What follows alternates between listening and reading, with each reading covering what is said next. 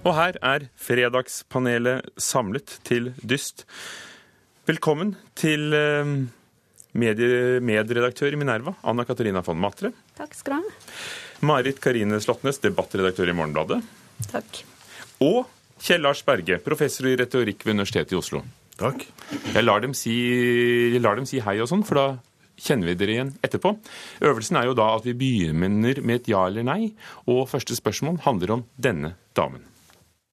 Many, including you, First Minister, have also kindly noted another significance attaching to today, although it is not one to which I have ever aspired. Inevitably, a long life can pass by many milestones. My own is no exception. Onsdag ble dronning Elisabeth den lengst regjerende monarken i Storbritannia. I sitt 63 år og 219 dagers regjeringstid har hun aldri gitt et intervju. Men hvis dere skulle gitt henne et råd, et, et medieråd, eh, siden dere, siden dere er opptatt av både språk og medier, eh, ville det vært at hun begynte å la seg intervjue? Kjell Lars? Absolutt. Ja. Anna Katarina? Nei. Og Marit Karine? Nei. Hvorfor dette ja? Ja, hun er jo monark. Hun er jo ikke bare monark og dronning over Storbritannia, men hun er jo over en stor del av verdens befolkning, Australia, New Zealand osv. Det er klart en så viktig person som jo har en sånn viktig rolle, må kunne la seg intervjue, og særlig fordi at hun representerer en institusjon som er ekstremt eh, gammeldags og konservativ.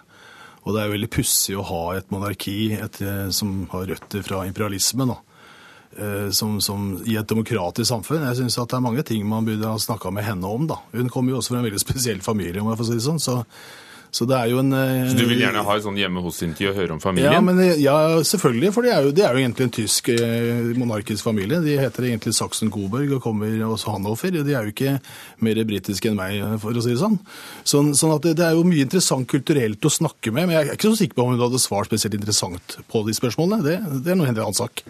Men dere vil gjerne at hun fortsetter å, å holde munn. Hvorfor? Ja, altså, først da, Hvis jeg trodde at vi hadde mulighet til å få henne eksklusivt i Morgenbladet, så ville det bare vært å trykke på knappen for å få argumentene for hvorfor det ville vært riktig og viktig av henne å gjøre. Eh, Men hvis jeg var hennes medierådgiver, så er svaret selvsagt nei. Eh, Hvorfor endre en mediestrategi som har vært vellykket i 63 år? Eh, Populariteten til det britiske kongehuset skyldes jo, som det er blitt sagt mange ganger, eh, nettopp den store distansen mellom de kongelige og folket, i motsetning til det norske, som bygger populariteten sin på folkelighet. Eh, Ja, altså Kronprinsen her i Norge ga et intervju nylig. Ja. Økte det hans popularitet? Nei, altså Det norske kongehusets kontrakt med publikum det eh, om å være akkurat som oss, det slår tilbake på dem når det viser seg at de ikke er det. Når det blir åpenbart. Og da må jeg slenge på et men eh, til mitt tidligere svar. For Hvis det var den engelske dronningen som hadde bada i flyktningelik i Middelhavet i sommer, så ville hun også blitt avkrevet Eller det ville kanskje vært naturlig å avkreve henne også en forklaring. Eh, Nå er det jo ikke sånn at selv om folk drukner i Middelhavet, at det Nei, nei, nei. er Ja. Anna Katarina von Matre. Ja, jeg velger litt samme linjen. Litt sånn uselvisk nesten å gi henne det rådet. Um, fordi altså, Tenk på den damen. Tenk så spennende det hadde vært å høre uh, hva hun har å si. Um, hun har på en måte vært igjennom hele eh, altså Hun tiltrådte i 1953, ble hun kronet. Eh, hun betalte brudekjolen sin med rasjoneringsmerker fra krigen. Og så har hun liksom gått igjennom hele den her, eh, eh, avkoloniseringen av Afrika, Asia. Eh, likevel så står hun så sterkt. Men det med brudekjolen, tror du ikke det er like, like, like naturlig for henne som at kong Olav tok trikken én gang? Og det kan jo hende. Altså, jeg, jeg er ikke sikker på om det diskusjonen rundt Håkon Magnus i sommer har vært så til svekkelse for verken han eller kongehuset. Jeg tror at dette er noe som noen pressefolk eh, er opptatt av og syns er veldig viktig å lage en sak av.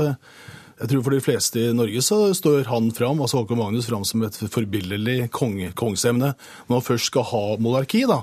Rett og slett fordi at han henvender seg ut i befolkningen på en tydelig måte. Men han gjør det også på en måte som vekker stor begeistring, og han er flink til å snakke og sånn. sånn at jeg kan ikke se at det er noen motsetning med å være kongelig og være tilgjengelig og folkelig. og jeg synes at det må være noe med det britiske samfunnet, særlig da den engelske delen av det, som, som, er veldig eh, konservativ, og som ønsker på en måte stabilitet i institusjonene, som gjør at hun kan spille på det hele tida, og, og, ikke la seg utfordre av folk som er litt nysgjerrige på henne. Da. Men det ser da ut til å være en vinneroppskrift? Ja, altså vinner og vinner. Vi får nå se hvordan det går med neste generasjon, da. Det er jo ikke sikkert at det blir sånn da. Vi går eh, videre. Denne uken skrev Åge Aleksandersen at han og musikerne hans gir 10 000 kroner hver av honoraret fra helgens spillejobber til Norsk Folkehjelps arbeid for å bedre flyktningers situasjon. Mange forventer det, at artister stiller opp i krisesituasjoner gratis. Har vi egentlig god grunn til å ha disse moralske fordringene til, til artistene? Bør artister og musikere stille opp i større grad enn vanlige folk? Ja. Nei. Nei. Nei. Men, men uh, hvorfor gjette ja? Uh, ja uh, Jeg sier ja. Ikke som et krav eller som et imperativ, men som en mulighet. Kunstnere og artister har en oppmerksomhet retta mot seg som gir dem muligheten til å reagere raskt på en måte som får andre til å følge etter. Og George Harrison var vel den første som eh, benytta seg av den muligheten. Og jeg er selv for ung til å huske katastrofen, men konsertopptaket av Bangladesh, eh, som jeg fant på YouTube en gang jeg lette etter noe annet, det, det, blir jeg fortsatt, eller det blir jeg rørt av. Og for min generasjon, jeg er født i 1974, så er det vel Bob Geldof og We Are The World som er det store initiativet som alle husker. Og ingenting er lettere enn å latterliggjøre den type middel- og skravleklasse eh. Men eh, ingen kan kreve at artistene stiller opp heller. Men eh, det er etablert en tradisjon for det, og den tradisjonen syns jeg ikke det er noen grunn til å avvise. Altså, Moralsk sett så er det jo åpenbart ikke noen eh, Kan vi ikke stille noe større krav til, til artister enn vi gjør til oss sjøl. Det som er litt interessant her, er jo kanskje at jeg er litt usikker på hvor, mye, hvor stor effekt det har at Åge Aleksandersen gir 10 000 kroner til Syria. Det er vel kanskje ikke det som skaper engasjementet for eh, Syria-flyktningene akkurat nå. Det gjør på det gjør mediene, det gjør andre kanaler. da. Det er fulle hus da når han spiller. Kanskje folk får en god idé selv? Ja, men jeg tror, jeg tror, kanskje den ideen kommer fra andre steder enn fra Åge Aleksandersen. Men han kunne jo kanskje Det er kanskje andre konflikter, eh, andre situasjoner der det er viktigere at kjente mennesker bruker oppmerksomheten sin til å eh, ja, til å videreføre den til en god sak, da, enn akkurat nå. Kjerars? Nei, jeg sier nei, ikke fordi at eh, jeg er mot at kunstnere og artister stiller opp for gode saker. Altså, En av mine helter i ungdommen og barndommen, jeg, det var Bangladesh, altså George Harrison. og jeg hørte, jeg husker jeg opplevde den konserten fantastisk. Den singelen er forresten veldig bra. Uh, hans singel. Sånn at det, det, er selvsagt. Og Beatles jo, var jo fascinerende, og John Lennon ikke sant? og alle de gutta der var ordentlige fyrer. Men det er klart at kunstnere er så mangt. altså jeg mener Man kan ikke pålegge kunstner eller artist en spesielt moralsk uh, forpliktelse. altså Det får være opp til hver enkelt, og det er et individuelt ansvar som det er for oss alle sammen, å bry seg om verden, liksom. Og når, Hvis man vil stille opp da, med kunsten sin, så er jo det kjempeflott, men det er klart da skal man også være klar over konsekvensen av det. Og Aid er kanskje litt spesielt eksempel på at det kanskje ikke var så bra som det så ut til initialt. da. Så det har liksom to sider, dette. Man må tenke over konsekvenser av disse engasjementene også. Absolutt, helt enig i det. Men hvis jeg bare kan få siste ord, så vil jeg bare si heia Åge. Morgenbladet er med. Sammen for livet. Sammen for livet. Eh, du nevnte verden. Jeg vil at vi skal bruke et par minutter på, på å forstå verden. For den svenske legen og, og, og, professoren Hans Rosling har kastet inn følgende brannfakkel i diverse intervjuer i Skandinavia denne og forrige uke. Man kan ikke høre på media hvis man vil forstå verden. Har han rett? Nei. Ja. Uh, nei. Hvis han har rett, Anna Katarina von Matre, hvem skal man høre på da, hvis ikke media? Nei, Nå valgte jeg jo litt det litt tabloide svaret her, da. Um... Det lyktes, du fikk forsiden. Kom igjen. Man kan jo ikke bare høre på media. Den, den eh, kritikken som han anlegger, det er hovedsakelig to ting han kritiserer mediene for. Det ene er at de eh, velger sakene sine skeivt. De velger negative saker istedenfor å vise at det skjer positive ting i verden. Det er jo for så vidt altså Hvis man leser nyheter daglig, så, så, skjønner man jo at det for så vidt er riktig. Det er mer eh, katastrofer i mediene enn det er gladsaker. Um, og det er jo bare sånn mediene er laget, så det er for så vidt greit. Den andre går på at um, journalistene vet for lite. Uh, der kan man jo kanskje det er Vanskelig å få belegg for det. Vi kan jo synse litt. Uh, det kan godt tenkes at han har rett i det. Morgenblad-debattredaktør, journalistene er dumme, vet for lite, og mediene velger skjevt. Er det sånn?